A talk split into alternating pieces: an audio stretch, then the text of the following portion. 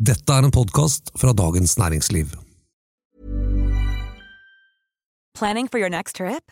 Elevate your travel style with Quince. Quince has all the jet setting essentials you'll want for your next getaway, like European linen, premium luggage options, buttery soft Italian leather bags, and so much more.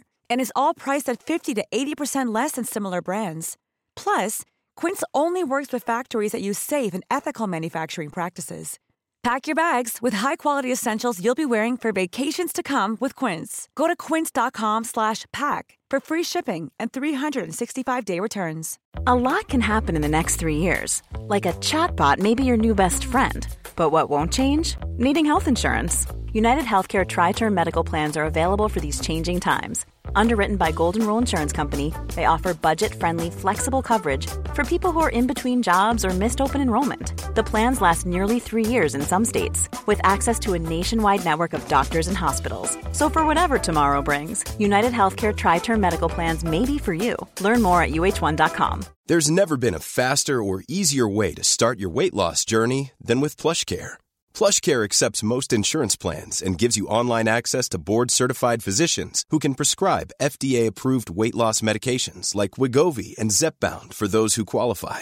Take charge of your health and speak with a board-certified physician about a weight loss plan that's right for you. Get started today at plushcare.com slash weight loss. That's plushcare.com slash weight loss. plushcare.com slash weight loss.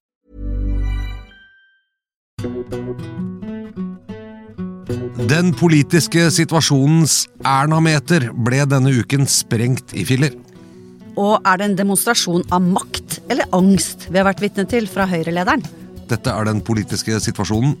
En podkast om politikk fra Dagens Næringsliv med politisk redaktør Fridtjof Jacobsen og meg, kommentator Eva Grinde.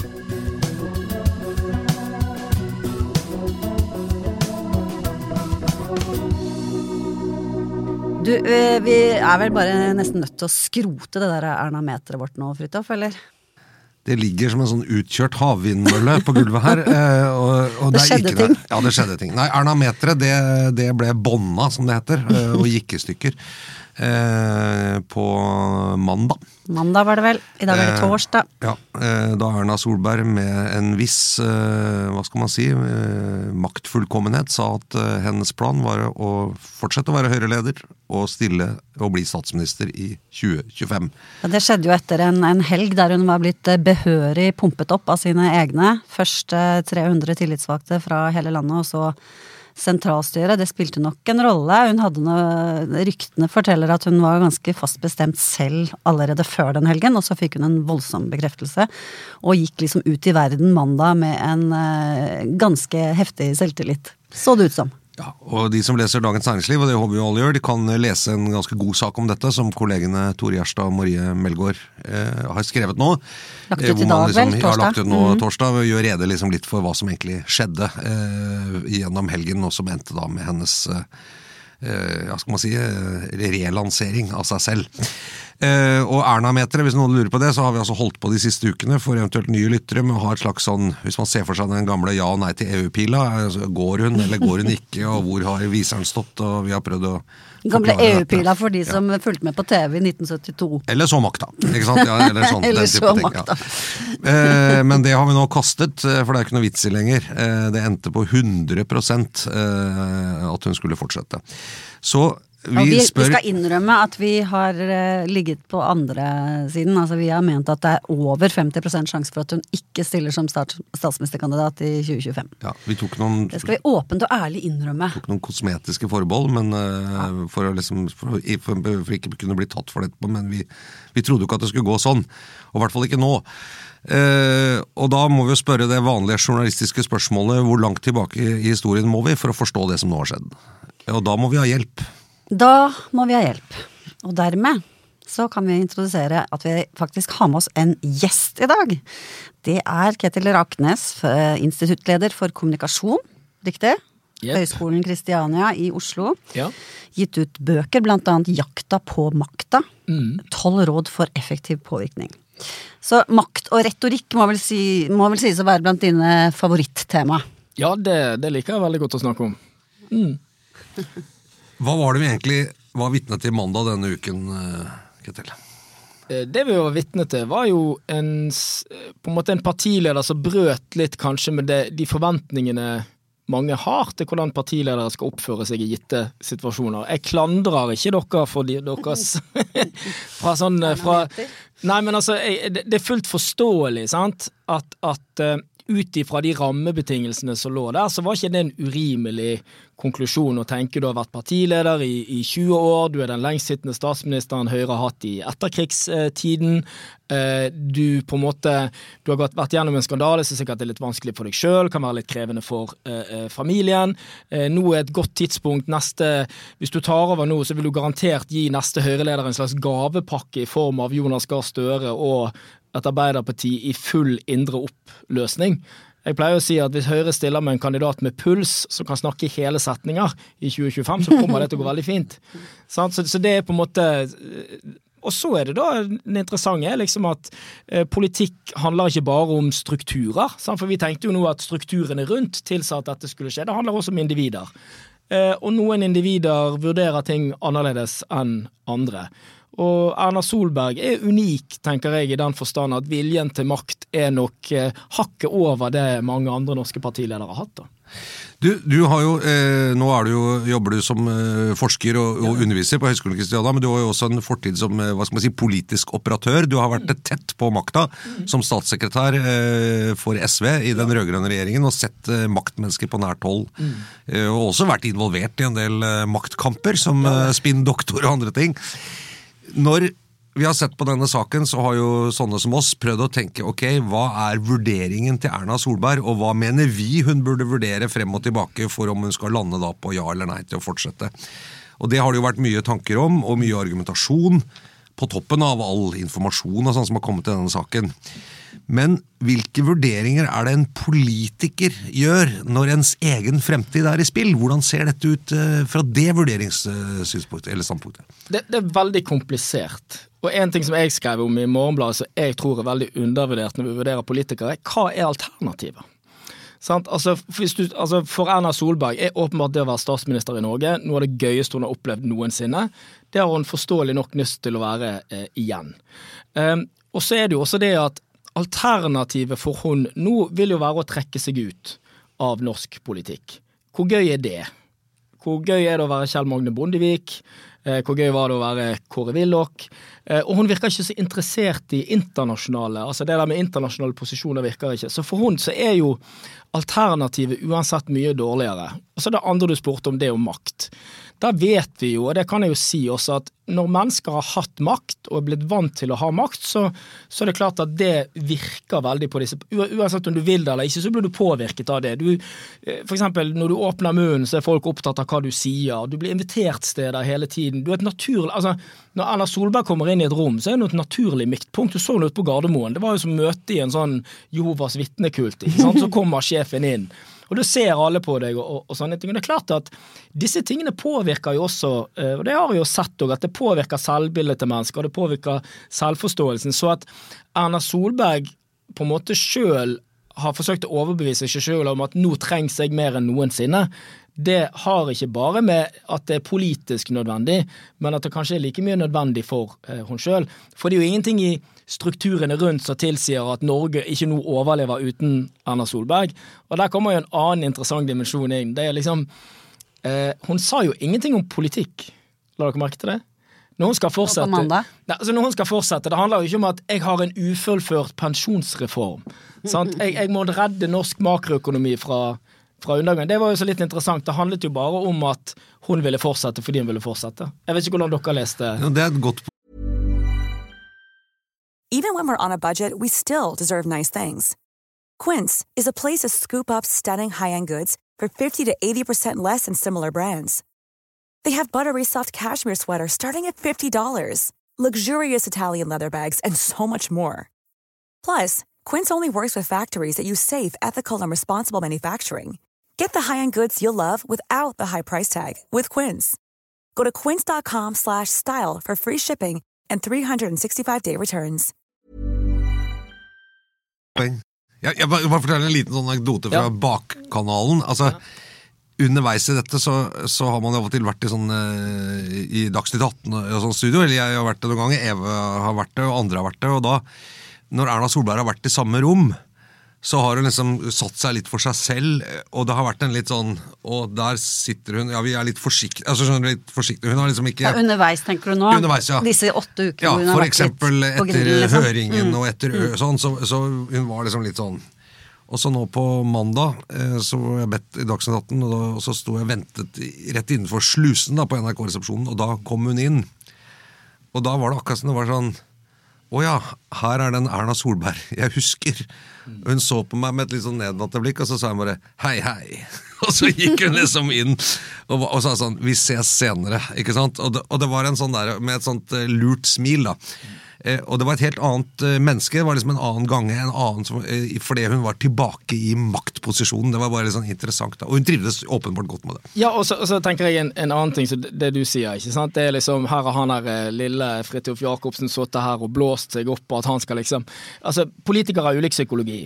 Eh, og så må vi huske, Hva er Erna sin historie? Erna sin historie er dypt undervurdert. sant? Når hun overtok som partileder, eh, ble veldig, følte seg nok veldig hetset av sånne som dere. At hun på en måte, hun var ikke god nok, hun var ikke flink nok. Eh, I starten mislykkes jo i sin første valgkamp sånn ordentlig. sant? Stoltenberg fortsatte i 2009, og så kom hun liksom endelig. Og så ble hun da eh, nok en sånn ny runde med litt sånn undervurderinger. Sant? Det var mange som sa du klarer ikke dette, du klarer ikke å sette det sammen og sånne ting. Så det skal vi heller ikke utelukke her, da. At han er Fridtjof Jacobsen, at han skal liksom sette med Altså, at hun kommer alltid til å si det, sant? men du ser jo for deg psykologien i det. da. At nå er, nå er de ute igjen, ikke sant? Den der eh, Oslo-gjengen som sitter og pjatter. Sant? Men nå bare bulldoser jeg over de, og så kan de holde på, så kan de snakke om det på podkasten sin Ja, ja. etterpå. Det var litt sånn kroppsspråk, ikke sant. Og det, og det er jo ikke, hun har ikke har for vane å snakke om Oslo-kommentatorene, liksom. Oslo-pressen som en sånn der, en gruppe som man egentlig ikke behøver å høre på, som hun jo gjorde, ikke sant. I, i, det, i den Dagsnytt 18-sendingen, var det vel. Ja, Blant det var, annet. det var en del kommentatorer i Oslo-pressen som Ja. hadde hatt problemer med dette, som hun sa. Men, det, var, litt- Men det, var liksom, det er ikke det så var det vanskelig å var- feie, ja. feie unna, på en måte. Eh, men det var litt gøy òg, da. Ja. Det. Men hun har jo Jeg bare tenker på eh, dette du sa om liksom hennes pressens og det at når hun kommer inn i et rom og sånn, hun har jo greid å faktisk opprettholde en god del av det etter at hun var ferdig som statsminister også. Det er jo blitt sagt om henne at folk rundt i landet de, de, de tror jo fortsatt hun er statsminister. Ikke sant? Hun har på en måte ført seg på, eh, som en sånn statsleder og landsmoder også i de to årene som har gått. Jeg tror hun har vanskelig for å venne seg av med ideen om å ikke være statsminister. Eh, og også selvfølgelig denne helt udiskutable posisjonen i partiet, da, som hun har. Ja, det er jo Altså, dette er jo vanskelig for politiske partier òg, for det at eh, Høyre er inne i det vi kan kalle et slags eh, likevekt. Sant? Altså, ting er i balanse.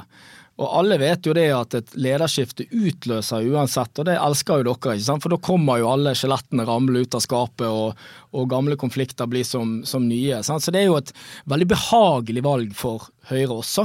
Sant? At? For da slipper du liksom å forholde deg til alle disse eh, problemene som ville måtte komme. Men liksom nedsiden av det, tenker jeg, er jo liksom Hva med den som skal komme etter, da? Altså, at, altså, det er jo litt det, Hvis du da blir liksom partileder i fem og så seks altså du Carl I. Hagen er 28 år, sant? Eh, Gerhardsen var 20 år, så vi snakker liksom om virkelig sånn det, det tyngste du kan tenke deg her. Sant? Vi snakker om mulig rekord i Vest-Europa i å sitte som partileder, ikke sant. Eh, Og da er det klart at det med hvem skal komme etter deg, hvordan bygger du deg opp, og hvilke muligheter du gir deg. Det er klart, Jo lenger du altså det, På samme måte så det var, ser vi jo i makta, og hvem skal etterfølge Gerhardsen? Han går jo bare rundt der som en sånn Ingen kommer aldri til å bli så flink som meg uansett. Så det er jo noe med den dynamikken også, tror jeg vil Etter hvert som hun blir sittende, da, så vil jo også det bli vanskelig, da. Ja, Spørsmålet er også om det er liksom en balanse i, i Høyre, eller om det er liksom trykk, et lokk som er lagt på. Og det er nesten vanskelig å fantasere fram hva slags maktkamper det skulle bli om hun hadde gått. Det, de, er, altså de, skjelett, de skjelettene ville være, komme som overraskelser, eventuelt. Ja, vi, vi ser jo ikke noe Den gamle skillelinjen i Høyre er vel på måte distriktskysthøyre mot Oslo-høyre, som har, har vært kanskje noe mer ideologisk eh, konservativt.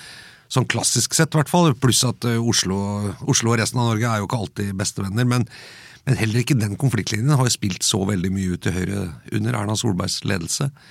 Men eh, eh, inntrykk av at særlig støtten fra ordfører langs kysten, som jo er næringslivsorientert og ganske sånn få ting gjort. Eh, pragmatiske, ikke sant. Særlig da kystbeltet Gullkysten, hvis man sier. Ja, ja, Vestlandskysten og nedover. At de var litt sånn, og det står jo også i saken som dere har sagt, at de sa at nå må vi bli ferdig med dette her, for vi får ikke jobbet, vi får ikke gjort noe så lenge vi står i dette limbo. Nå må vi slutte den saken, kjøre på, og at det at du sa ok, hvis du har så dårlig tid, så kan jeg like gjerne bestemme meg nå. Men du, så er det altså eget parti, åpenbart støtte, har hun opplevd. Eh, og så gir hun jo blaffen i sånn som oss, det har du jo redegjort for på en glimrende måte. Men en ting som har kommet frem her, er jo også at det har jo vært en høring i kontrollkomiteen, og den jobber jo nå med å komme med sin eh, svar og dom over det som har skjedd. Hvordan vurderer politikere på dette nivået kontrollkomiteen? Jeg tror alle politikere som altså, har veldig respekt for kontrollkomiteen. fordi at, må huske på at De som sitter i kontrollkomiteen, er også ganske senior. Sant? Nå sitter Audun Lysbakken der, og det, det er Carl I. Hagen. det, altså, det er på en måte folk som, som uh, har vært vant til og har opplevd en del ting, en del ting sjøl. Og det er klart at det å få en veldig sånn det å få veldig refs av kontroll For få, du får jo refs av dine egne. sant? Det er litt sånn, det å få refs av Dagens Næringsliv det kan jo av og til være godt, og det kan av og til være vondt. Det kommer litt an på. sant? Mens det å få refs av sine egne er jo aldri noe sånn særlig gøy, da. Eh, Så det er klart at for Erna Solberg sin del så betyr jo språket her hva, altså hvilken type Og så er det jo litt sånn konstitusjonelt krevende farvann, da, i og med at hun ikke er sittende og sånn, da. Men det er klart, eh, ordvalg vil her bety noe.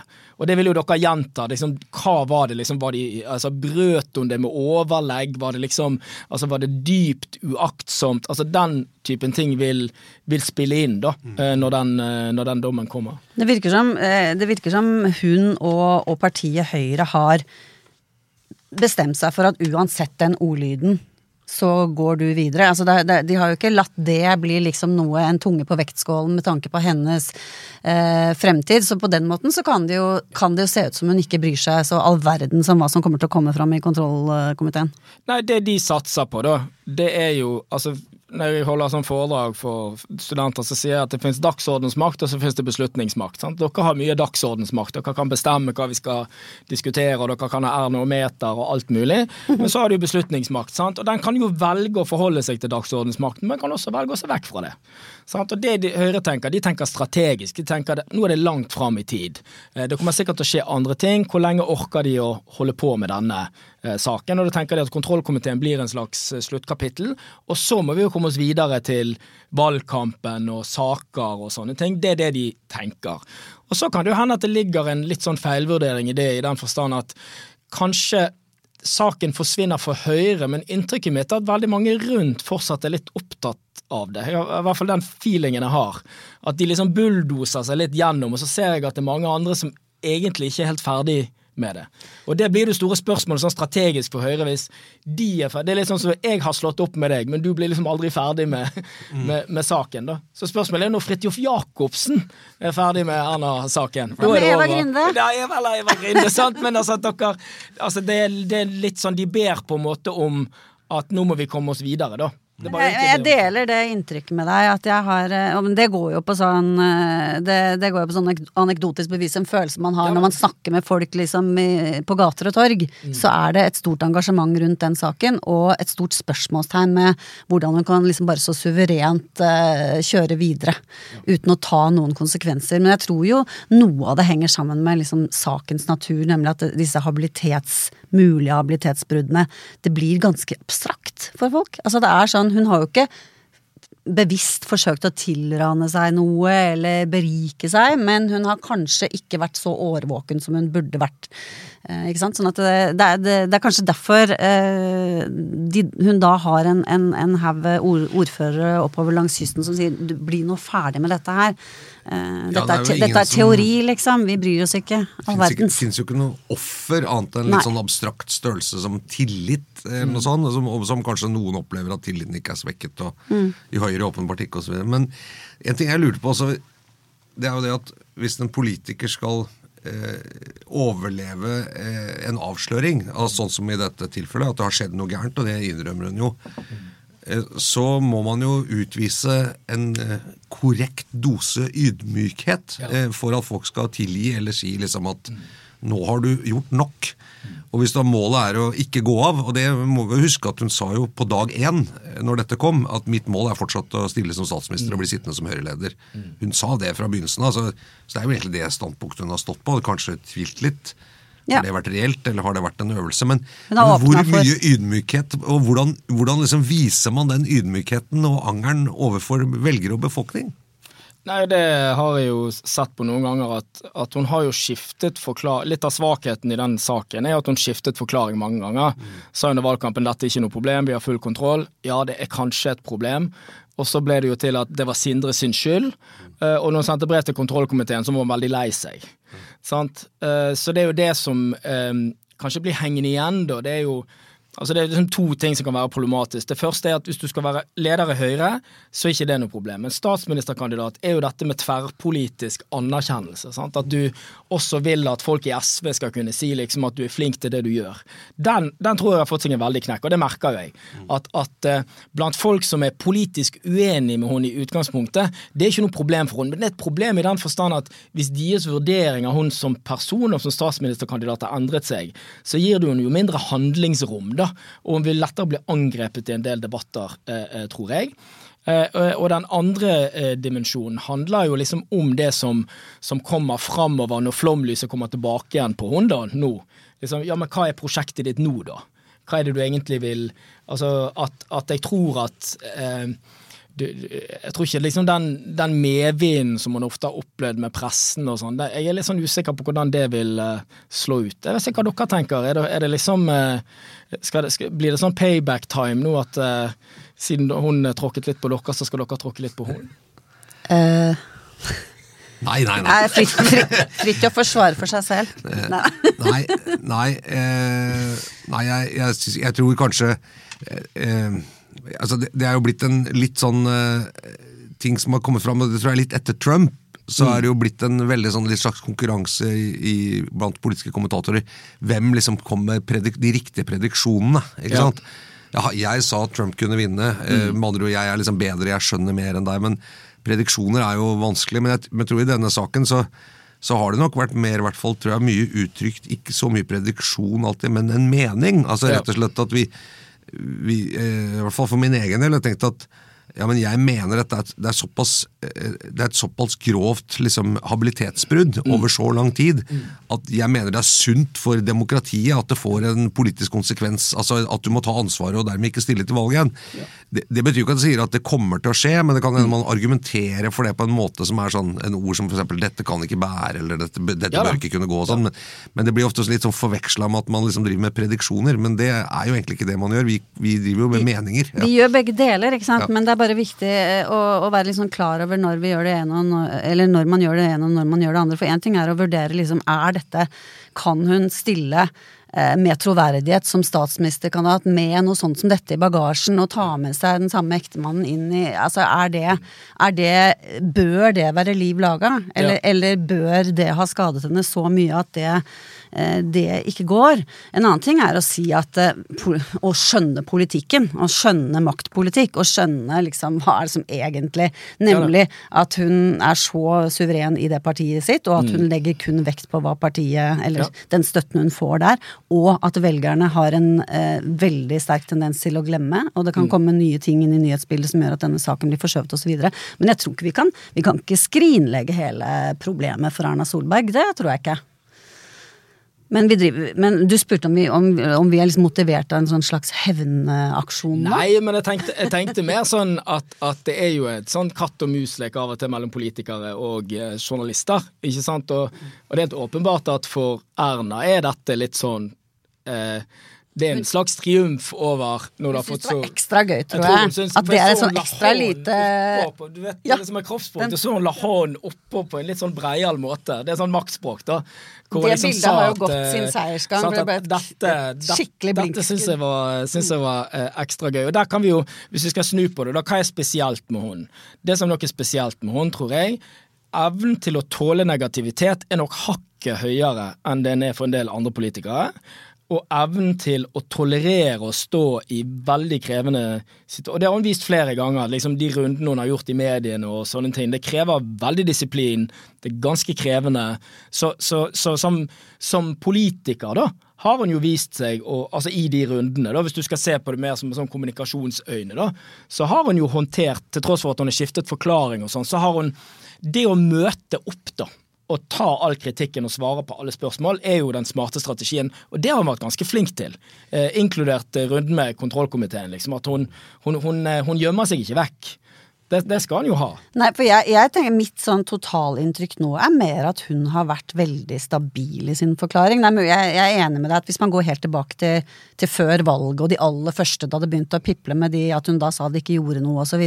Men sånn fra den pressekonferansen fredagen etter mm. valget, mm. Sindre har lurt meg, ja. så har det vært ja da. Da har det vært stø kurs. Ja. Og det, den, den, tror jeg liksom hun har Hun har jo fått den igjennom, og så er det, er, er det, fortsatt eh, en del av oss, ganske mange tror jeg, som ikke helt eh, kjøper hele den forklaringen, og som mener at uh, her ligger det et ansvar på henne likevel. Ja, det, det som fascinerer meg litt med henne, da, og, og da Du har skrevet bok om henne. Ja da, og, så, men, og det, var 20, det, var før 2013, ikke sant? så det er klart det har skjedd mye mm. gjennom å være statsminister så lenge også. Hun vokste jo veldig inn i den rollen, og hun definerte også statsministerrollen tror jeg på en litt ny mm. måte. Blant annet er det vel hun som er i moderne tid, i hvert fall, eller i vår levetid, har håndtert en veldig krevende koalisjon. Mm. Nærmest helt uh, uten ett liksom, Hun klarte å holde den veldig koalisjonen sammen gjennom åtte år. Det er jo imponerende med Fremskrittspartiet, Venstre og KrF. Mm. Og selv når KrF liksom var på vei over den andre veien, så klarte de å trekke KrF inn igjen. ikke sant? Så, så, for all del. Men det er det at eh, noen politikere eh, nyter å være litt upopulære Frp, ikke sant? typisk på Frp-leder, kan legge seg ut med ganske mange. Du sleiker imamer opp etter ryggen, som Sylvi Listhaug sa til Knut Arild Hareide, vel vitende på at mange vil reagere, og få litt sånn energi av å være litt sånn mm. Ingen liker meg, liksom, men de som skal like meg, de gjør det. Eh, og så er det noen som er veldig redde for å være upopulære, som gjerne ønsker at alle skal like dem hele tiden. Det er jo også vanskelig. Mens Erna Solberg hun, hun nyter jo ikke å være upopulær, virker som hun har målt seg selv, men hun bryr seg heller ikke noe særlig om det. om noen ikke liker henne. Liksom. Men, men imot Frp søker det litt mer for å liksom polarisere med det. Og det, det, tror jeg er jo en Det er jo en sånn evne som som jeg tror du nesten må ha hvis du skal opp på det nivået. Du må tåle det der greiene der, rett og slett. Det, og det, det, skal hun ha for eh, Ja, for det som ja. blir sånn et interessant, eh, nesten et eh, paradoks der, det er at liksom Erna på måten hun står imot den kritikken hun er utsatt for, så vinner hun over den kritikken på en måte. Fordi at hun eh, sant, Hun blir jo sett på det er jo, det er jo veldig kort vei ned til beundring for den måten hun tar disse tingene på. Altså en sånn maktdemonstrasjon som det på mange måter var, det er folk Det har vi lett for å falle for. for altså Det er et eller annet som gjør at det, eh, når du opptrer så suverent, så er du antagelig så suveren. Ikke sant? Det er en uh, Ja, så det er veldig interessant å se. La meg spørre et selvopptatt spørsmål igjen. I pressen så så har vi jo, tror jeg, en slags underliggende selvforståelse om at vi forvalter og liksom passer på en slags bred offentlig moral. Mm. Altså ikke juss, men sånn vi har litt følelse med hva et bredt lag i befolkningen syns faktisk er rett og galt, og så mm. påpeker vi det eh, når vi mener folk har gjort noe som strider mot det vi forventer. eller noe sånt. Eh, og, og, det, og, det, vår makt, eller når pressen har makt, så er det kanskje fordi man treffer på det, og, og da politikere skjønner at her, dette vil jeg ikke komme unna med. Folk vil synes at dette kanskje ikke ulovlig, men det er galt, og da må jeg melde meg ut, liksom. Eh, men, men har vi egentlig pressen er vi egentlig liksom i touch med det som er den brede liksom, offentlige enigheten om hva som er moralsk og umoralsk, eller riktig og galt? Eller er vi på jordet der? Jeg tror altså Hvis du ser på akkurat på den saken, så deler jo jeg deres vurdering at det overtrampet, selv om det ikke var direkte hennes egen skyld, så var det såpass uaktsomt, da, og det foregikk så lenge og det var så voldsomt, at det ikke er forenlig med å stille igjen som statsministerkandidat. Men det er jo et moralsk eh, Nettopp, ikke argument. Ikke sant? Sånn, som dere, sånn som dere sa. Og så er det jo det som er litt sånn interessant, det at det har man blitt mye mer opptatt av i forskning, er jo dette med normer. altså at Demokrati Vi har jo juridiske rammer, og vi har konstitusjon og sånne ting, men, men dette handler jo egentlig ikke om Dette handler jo om normer. Så at deler hun da Altså, veldig mange politikere som går av, trenger jo ikke gå av. trenger jo ikke det. Det er jo ingen som har sagt at du altså Man går jo av fordi at man føler at det, det, det er en etisk vurdering. At liksom, her har jeg gått så langt at dette fungerer ikke. Vi vet jo fra forskningen at oppslutningsmessig kan det gå ganske greit. Eh, og at det ikke nødvendigvis at skaden på partiet blir langvarig over tid. Men det handler jo også om at egentlig er dere avhengig av at politikerne på en måte tolker normene litt likt som dere. Altså at dere, litt, dere må liksom være litt enige med de om hva spillereglene er. Og det er der den saken jeg jeg syns den saken er litt spesiell, da. I og med at hun på en måte da ja. fortolker spillereglene litt annerledes, og så sier han ja, men jeg bare fortsetter, jeg. Og da sier dere nei, men nå bryter du en demokratisk norm. Ja ja, det får du gjerne ja. si. Da kan du skrive det i kommentaren din, da. Ja, men det syns ikke Høyre, liksom? Nei. Det syns ikke Høyre, sant? Jeg syns hun har frigjort seg fra den vurderingen av seg selv, ikke sant. Altså hun trenger ikke å vurdere om dette var ikke er bra for demokrati, eller om det ikke liksom, er bra for en toppolitiker i Norge. Hun bare vurderer ut fra om hun har støtte i partiet eller ikke. Ja, det ser sånn du også. Hun går aldri inn i den diskusjonen sånn ordentlig, den som mange har tatt opp, er jo det at politisk ansvar mm. er jo også ansvar for ting du ikke nødvendigvis var din egen feil, og det har vært veldig vanlig standard. Det si han, eh, eh, han eh, historieprofessoren på Blindern tok på seg Einar Lie. ikke sant? Altså, det var jo et, et, en mer sånn Men det har bare vært kutyme. Det, det, er ikke noe som sier at det skal være sånn. Så det, så det som er interessant med den, er liksom, er det liksom en dreining innad i partiene nå i synet på hva politisk ansvar er, og, og hvilke konsekvenser det skal, skal ha. da. Og nå, nå, denne, nå, er, nå, er, det ikke noe stiplet linje engang til det jeg skal si nå, men Nei. jeg tror en ting som jo har, eh, som mange har fått sjokk av, nettopp på dette med demokratiske normer, er jo at eh, var jo Trump som satte alle demokratiske normer og sedvane til side. Og man satt og sa dette går jo ikke an. Altså, det går ikke an. Eh, det gikk helt fint an. altså, ikke sant? Mm. Det er veldig interessant. og jeg tror Hadde jeg vært politiker så, og jeg tror Norske politikere er ikke som Trump, de er nok av en annen støpning. Nei. Men så hadde jeg altså, allikevel vært interessert og sagt og hvis du kan faktisk gjøre det ja. eh, i gitte situasjoner, og du kan faktisk også bli valgt, liksom. Eh, og en, eller nesten valgt, eh, som man var ikke så langt unna i, i 2020. Mm. Eh, og, og, og, liksom, og, bare bryte totalt med det som er liksom forventet. For tror jeg det sånn, Dere drar jo opp sånn at Når dere kritiserer, så må velgerne være enige. og på en måte, altså Det skal være sånn at dere skal representere det. Så, sånn er det nok i veldig liten grad. Okay. Veldig ofte så handler jo dette om politiske eliter som forvalter disse normene. Og folk flest er, de er litt sånn ja-ja på den ene eller på den andre siden. Så ideen om at Erna Solberg skal straffes massivt av egne velgere for det normbruddet Fordi at velgere tenker ikke sånn. De tenker jo at jeg har et politisk parti, og så er jeg sånn cirka enig med det politiske partiet. Og Høyre har jo ikke endret seg veldig som politisk parti, og regjeringen er jo helt lik. Så at det ikke gir sånn utslag på målingene. Men men over tid kan jo dette fortone seg annerledes, hvis det liksom er sånn at de stadig blir minnet på dette. Og det som jeg tenkte var vanskelig, er jo liksom det bildet av hun og Sindre i det der eh, Altså det at de Ja. At, at det liksom er en ønskelig situasjon å havne i igjen. Og igjen, der tenker jo jeg også at mange andre i hennes situasjon, så ni av ti norske politikere tenker Jeg ville jo sagt i løpet av en sånn prosess at dette nå, av hensyn til familien, så, så, orker jeg ikke. Så, så hun på en måte bryter jo altså med folks forventning. da. Og Derfor var jeg også litt overrasket over at det var så stort bravur i den. At, at jeg tenkte ja, spennende, spennende liksom, men, men, jeg hadde ikke forventet at det skulle komme så voldsomt.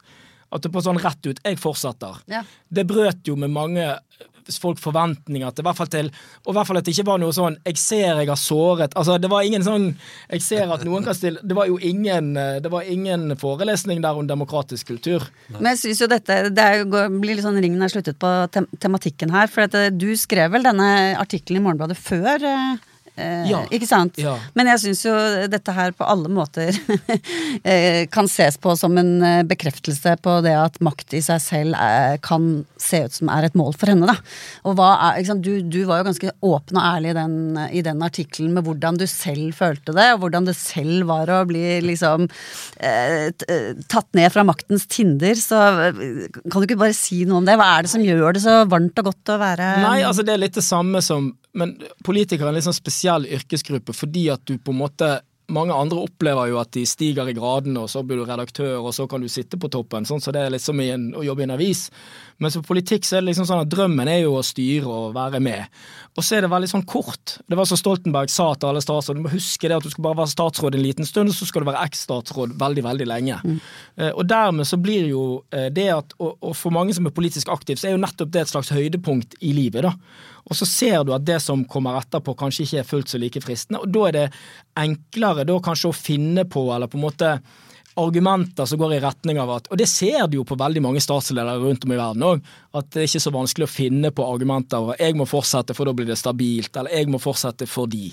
Men hvordan, hvis du forteller, hvordan opplevdes det? Nei, altså når jeg var ferdig, altså jeg var jo på ingen måte spesielt viktig eller spesielt mektig, men, men det var jo den følelsen av at ingen ring altså For eksempel jeg var vant til at folk ringte til meg hver eneste dag, eller at jeg snakket med journalister, jeg visste hva som kom på nyheten. Altså jeg var en del av et sånt spill, da, hvor, hvor på en måte eh, jeg hadde kontakt med veldig mange andre viktige mennesker. Mm. Jeg ble invitert på middager og Masse hemmeligheter. Fikk vite masse ja. Ja, fikk masse innsideinformasjon. Støttet opp på et nettverk. På ja, og det, og det, er litt det der at altså, Så det handler jo om det der helt allmennmenneskelige, liksom det å bli sett og det å bli anerkjent og det føle seg viktig. Og så er liksom altså Bruddet i politikken er mye mer brutalt. da. Mm. Det, er det, er ikke, noe sånn, det er bare sånn det er rett ut. Ja. Og så er det ned på Stortinget. Jeg husker liksom når jeg kom ned der, så liksom sa Bård Vegar Solli til meg Jeg vet ikke om jeg orker å gå ut i vandrehall. Jeg vet ikke, jeg vet ikke om jeg klarer det. Det er bare, Hva skal vi si, da? At vi er sjokkert? Altså, du føler at du er del av en sånn teater, dårlig teateroppsetning. Sant? Og så brukte vi et par timer, så dro vi oss ut i vandrehall og sa ja, statsbudsjettet er helt grusomt. Og så sa vi etterpå det gikk jo bra. Ja, vi klarer det nå. Liksom. Så det er jo det at der er politikk spesielt. Da. Og der husker vi en historie, men jeg vet ikke hvor mye du kan si om det. men vi husker jo en statsråd fra SV eh, ja. som måtte gå av Erik Solheim. Ja, og som eh, på en måte, Han la jo ikke akkurat så veldig skjul på eh, at, at, han syntes dette var eh, nærmest et overgrep. Hvordan opplevdes den saken fra det var jo, og Det var jo det andre som jeg skrev om. ikke sant? At For noen så blir jo tap av, I og med at tap av makt er en sånn tapsopplevelse, ikke sant? så kan du takle det på ulike måter. For noen blir det jo traumatiserende. Torbjørn Jagland er fortsatt traumatisert. Jo, men det er jo det. Han, han, blir ikke ferdig med det, han skriver om det. Han kommer liksom aldri over den maktkampen han tapte. Og for Erik Solheim så var det nok sånn at hans selvbilde og makten på en måte hadde smeltet sammen. da. Så han skrev jo sjøl at eh, Og han hadde jo en pressekonferanse som var liksom sånn Det var jeg som fant opp den rød-grønne regjeringen. Dere kan ikke det, det, det, er trist. Han sa jo at det er trist at, at vi setter partipolitikk foran nasjonens interesser. Altså Erik Oso altså, Jo, men det var jo sant. Men, men det som er interessant, så skal vi leve det. Det som er interessant, er hvorfor han trodde det. Sant? Og det er jo makteffekten. Sant? At du, du, forveksler og det var jo det som de fleste som jeg har snakket med mange som var aktive etterpå, det er jo det du må jobbe med etterpå. At du må skjønne at du var der av partiet, og av at du var heldig, så fikk du lov til å være der. Men det var ingenting du var ikke en gude benådet begavelse som gjorde at eh, det ble sånn. Så du må aldri forveksle maktens effekter med personlig genialitet eller at, at, du er viktig. Men det er klart, når du er ferdig, så er det jo et sånt tomrom som, som kan oppleves som, som, eh, som ganske sterkt. Da. Kan det være Erna forveksler posisjon og person en smule? Jeg skal ikke altså Vi skal være forsiktige, men, men det er jo helt åpenbart. altså Vi har masse forskning på dette. Dette er jo effekter du ikke kommer unna. Selv om en maktperson sier at jeg ikke er preget av makten, så er de det. Det er mitt poeng. Jeg har aldri møtt noen som liksom Men jeg har møtt noen som har hatt litt mer reflektert forhold til det enn andre. Og det er spesielt politikere som klarer å se det at nå går det mot slutten, og jeg ser at min tid er, er over. Det kommer til å gjøre litt vondt, men nå må jeg bare rigge det sånn at, eh, at Som for eksempel Jens Stoltenberg, Kristin Halvorsen følte jeg liksom taklet jo de overgangene vesentlig bedre enn visse Carl I. Hagen er jo det som vi også skriver om. sant? 'Jeg har savnet meg'. Det var jo overskriften i uh, ideen men, men, når han kom tilbake. Det, det er jo fascinerende med Erna Solberg, for en ting folk var veldig imponert over, var jo med hvilken energi og glød hun gikk rett inn på Stortinget og begynte å jobbe etter at hun hadde tapt valget. Mm. Og, og, hvor lite på en måte ned i kjelleren hun gikk etter at hun ikke var statsminister lenger. og som du sier, det å gå tilbake på Stortinget, var parlamentarisk leder osv., men folk var imponert over hvor liksom, hvor, eh, og sa nå, her er det ikke noe å henge med nebbet, her skal vi bare jobbe og kjøre på. Hun er ikke sånn på sin høye hest-maktperson? Nei, og det var jo liksom. mange som syntes det var imponerende, ikke sant? At, eh, at, hun ikke, at hun hadde den energien, og det smittet jo da over på partiet, som ganske fort var liksom, hadde øynene framover. Så som du sier, fikk de jo litt hjelp av den rød-grønne regjeringen og, og sånn, men, eh, men eh, ja, nei, det var Men, men der kan det jo også være sant, altså, sånn personlige effekter at, at hun Altså Politikk er liksom bare Hun elsker det. Sant? Og, det og, og kanskje det er sånn Kanskje du skulle hatt andre interesser i tillegg, burde vært en god sant? Altså, Hun har Candy Crush, da. Ja, ja, men altså at, at det liksom er kanskje litt smalt. Da. At, at det er liksom ikke plass til andre Ja. ting der. Så tenkte jeg på en ting til, for det, det er blitt brukt som et tilleggsargument, det at hun har høy, relativt høy alder og har den lange fartstiden. Men for henne så er det kanskje nettopp en grunn også til å, til å ville fortsette, for det er ikke så Altså det smalner jo inn alternativet nå. Er du liksom eh, 40, så ser du for deg muligens en, Det var en for, ny for mange som jeg var aktiv sammen med, var det en helt reell vurdering. Mm. Hvor de sa det at nå må jeg velge. Hvis jeg skal gjøre noe annet etter politikken, så må jeg gi meg nå før jeg liksom blir 50. Mm. For da har jeg tid til liksom å finne noe annet Mm. Å gjøre. Hvis ikke, så må jeg liksom bare sitte på Stortinget til jeg eh, Ja. får gullpensjon. Men ok, og, og nok en gang, dette er ikke et forsøk eh, på liksom hevn eller ønske om noe annet, men, men bare et lite tankespill. Et tankekors. Ja, hvis, du, hvis Høyre ikke vinner valget i 2025, Ja. så vil jo denne avgjørelsen som har blitt fattet nå, vil jo se veldig gal ut, vil den ikke det? Mm. Og, er jo- ja, både med henne, men også Sindre Finnes. Altså det, en, det ligger en risiko her også. eh, Den har hun sikkert kalkulert inn, men, men hun må jo være rimelig sikker på å vinne i 2025 når hun tør å gjøre dette her. Ja, og som jeg sa innledningsvis, så er det jo store grunner Med mindre det da ikke skjer noe liksom vesentlig som endrer hele dynamikken, så kan de være ganske trygge på at de går det. Og det, det er nok en del av kalkuleringen hennes. Hadde det nå vært eh, Målingen hadde vist dødt løp mellom hun og Jonas Gahr Støre, at eh, han var plutselig mye mer populær enn hun. Fordi at politikere blir jo aldri bedre enn det motstanderen til enhver tid er. Og Hun er jo veldig velsignet med at Jonas Gahr Støre har hatt en tiårig lang krise i år. Arbeiderpartiet. er jo kanskje på et av sine svakeste punkt i moderne tid. sant? Så en litt sånn skadeskutt Høyre-leder er jo ingenting sammenlignet med hvor skadeskutt Ap-lederen er. Så det er, jo, det er jo sånn som de snakker om i Høyre. ikke sant? Så det er jo en del av vurderingen. Tror ikke dere det? Jo, absolutt. Jeg tror et av hennes sterkeste kort er den svake regjeringen. Ja, sant, liksom, jeg kan hende jeg er litt ille ute å kjøre, men se på de andre. Sant? Der er det jo helt krise. Så det er jo alltid fint med politikk. Det er alltid noen som gjør det dårligere enn deg sjøl.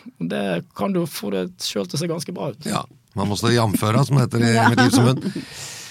Eh, veldig hyggelig å ha deg, Ketil Raknes. Eh, som sagt, Du har åpent beskrevet i Morgenbladet at du syntes det var vondt eh, å ikke kunne liksom snakke om politikk og bli spurt å være med, at det var et slags tomrom når du var ferdig som politiker. Nå har vi, må vi dessverre sende deg tilbake til det tomrommet Ja. etter at du har vært med oss her. Det hjelper å komme på sånn podkast. For meg er det veldig sånn terapeutisk viktig, for jeg føler i hvert fall at det er liksom noen som vil snakke litt med meg. da. Vi hørte, det det vi vi hørte Ja. ropet fra Morgenbladets spotter og tenkte her må noen gripe inn Noen må ja, før det går helt gærent med Raknes. Eh, Men, eh, men eh, det var nok vi som fikk mest igjen for dette, at du gadd å komme og snakke med oss. Tusen takk skal du ha. Den politiske situasjonen er over for denne gang. Produsenten Produsent er Gunnar Bløndal. I studio var kommentator Eva Grinde. Meg, Fridtjof Jacobsen, og vår gjest Ketil Raknes fra Høgskolen Kristiania. Vi høres igjen neste uke. Ha det.